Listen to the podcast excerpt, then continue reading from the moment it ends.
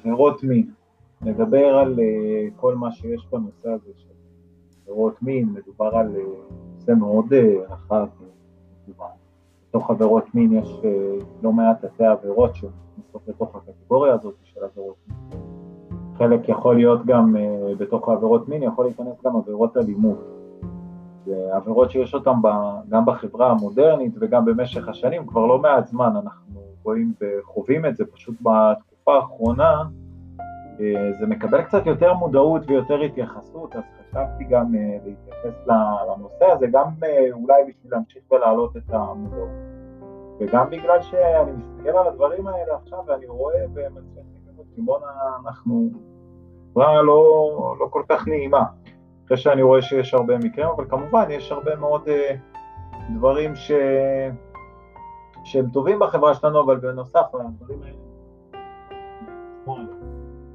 במיוחד אה, מדובר על עבירות מין של חסרי ישע ו...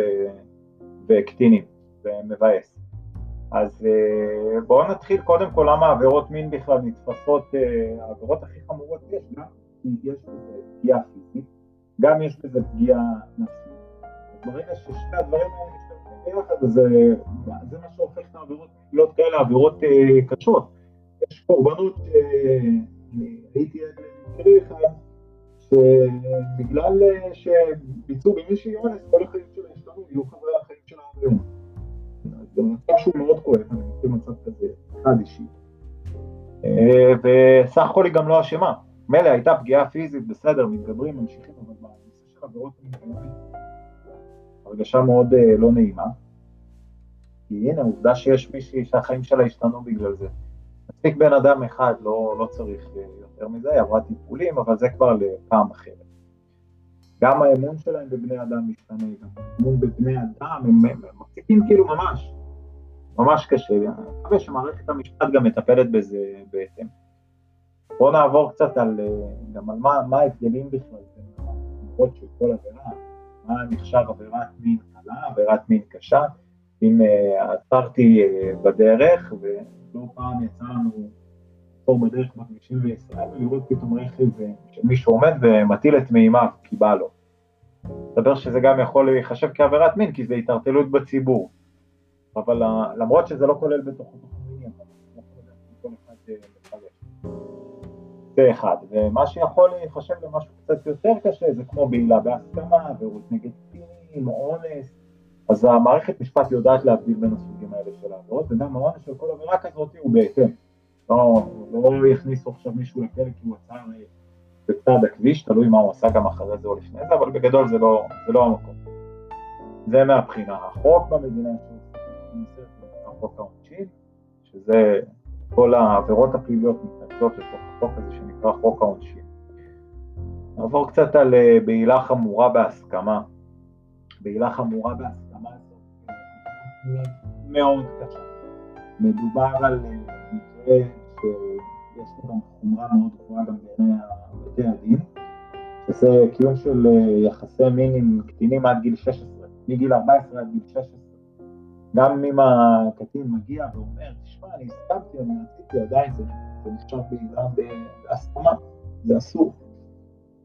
זה בעילה בהסכמה. מה מקבלים אה, מי שמבצע את העבירות קודם כל, אה, כמו שכבר אמרתי מקודם, הבתי דין רואים את זה בחומרה מאוד גדולה.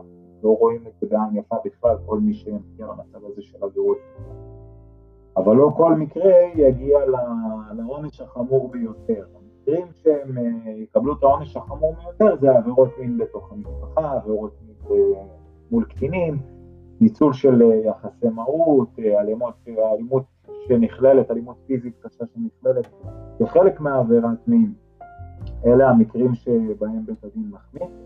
במיוחד במיוחד בתקופה האחרונה חלה, מגמת עלייה כזאת שאני מסתכל שבמסגרת השירות הצבאי הבתי דין מחמירים יותר. הם ממש אה, ניצול מיני, יחסי מרות במסגרת הצבאית, הם שמים על זה דגש מאוד אה, גדול. אלה מקרים שמוגדרים בעצם אה, אלימות חמורה. כמה עכשיו, אם אתם חשודים או יש איזה משהו שביצעתם איזושהי עבירת מין, כמה באמת יגבה ממכם עורך דין? שזה הדבר שהרבה מאוד אנשים שואלים את עצמם, הם מוצאים את עצמם פתאום במצב של עבירת מין. היה להם איזה מקרה, וזה יכול לקרות, סך הכל אנחנו בני אדם, ובני אדם טועים. ואז הרבה אנשים שואלים את עצמם אם בכלל כדאי להם לגשת לעורך דין, לא כדאי לגשת לעורך דין.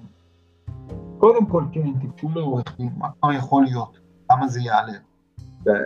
בעבירות מין, ייצוג ראשוני וייעוץ ראשוני בדרך כלל לא לוקחים על זה כסף, זה ייעוץ של אה, כמה דקות בטלפון, העורך דין מדבר איתכם ומסביר לכם נכון ואיך נכון, אבל זה לא הכי מקצועי לעשות את זה, אם כבר בחרתם לקבל ייצוג אז תעשו את זה כמו שצריך. תקחו באמת עורך דין ושיבדוק את התיק כמו שצריך ואז ייתן לכם את ההמלצות שלו, לא ששיחת טלפון תסבירו לו על מה מדובר. וככל שה... בעצם שככל שהתיק הוא גדול יותר ומורכב יותר ויש יותר במה להתעסק, אז הרבה יותר גבוהה בהתאם. זה משתנה. זה אחד. וזה יכול להתחיל מכמה אלפי שקלים בודדים ולהגיע לעשרות אלפי שקלים. שכאן מה שקובע זה המורכבות של התיק, כמה התיק מורכב וכמה באמת העורך דין יצטרך להשקיע מהזמן שלו.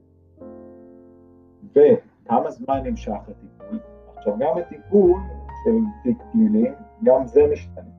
תיק מורכב ייקח יותר זמן, איסוף ראיות, איסוף עדויות, ואין ראיות, כל הדברים האלה, חקירות, יש תיקים שיכולים להימשך גם שנים, זה אחד. עבירות של תקיפה מינית שנכנסות בתוך העבירות של עבירות מין, שזה אחד הדברים שבאמת אה, מורכב, כי עבירות מין קשה מאוד להוכיח, אבל הבעיה היא שחובת ההוכחה חלה לא על הצד המתלונן, אלא על החשוד במקרה של עבירות מין. מה זאת אומרת? אם עכשיו יש, אנחנו, מדובר פה כמובן על סוגיה מאוד מורכבת, אנא, קודם כל הקורבן, זאת עברת המעשה, היא צריכה לשחזר את כל מה שהיה. קשה לה, וזה מובן, היא ממש צריכה, לא פעם אנחנו שומעים כאלה שהיא מעדיפה לא להתלונן, רק לא לחזור שוב על המקרה הזה ולא להיזכר בזה.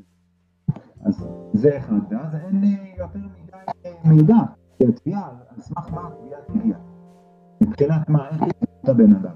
על מה, אם יש מישהי שרק נתנה תלונה ולא מוכנה להגיע ולהמשיך ואז מתחילים לבחון את הטיב יחסים, כי אנחנו מדברים פה על עבירה של תקיפה מינית, אז יחסים, מה הטיב היחסים היה ביניהם, למה זה הגיע למצב הזה שהיא בכלל מגישה תלונה, אולי זה היה מקרה חד פעמי, אולי זה היה משהו שהיה ביניהם קבוע, יש המון מקרים, בתי המשפט לא מעט. זה הדבר שהכי קורה בכל הנושא הזה של אה, עבירות מין, זה הנושא של הוויתור על הפרטיות. תחשבו על אישה שעכשיו עברה אונס, צריכה להתמודד עם זה, צריכה לשחזר את זה, וצריכה לעשות את זה מול העורכי דין, מול הבן אדם שעשה את זה, מול השופט בבית המשפט, צריכה לשחזר את הכל, להסביר לכולם בפרטי פרטים מה בדיוק היה במצב מאוד אינטימי ומורכב שלה. יש כאן בעיה מאוד קשה להתמודד היום עם עבירות מין בנושא הזה. אז בכל מקרה, העבירות מין הן דבר מאוד מורכב, קשה מאוד להתמודד איתו. אם אתם במקום הזה אה, עשיתם איזה משהו שאולי נראה לכם לא בסדר ואתם צריכים עורך דין שילווה אתכם, אז אה, כן חשוב לבחור עורך דין טוב שמכיר את הנושא הזה לעומק, לא, לא במקרים האלה בשום אופן להתפשר בבחירה של העורך דין, פה אה, אחד הדברים שבתי המשפט מאוד מחמירים. מומלץ לא להתפשר Thank you.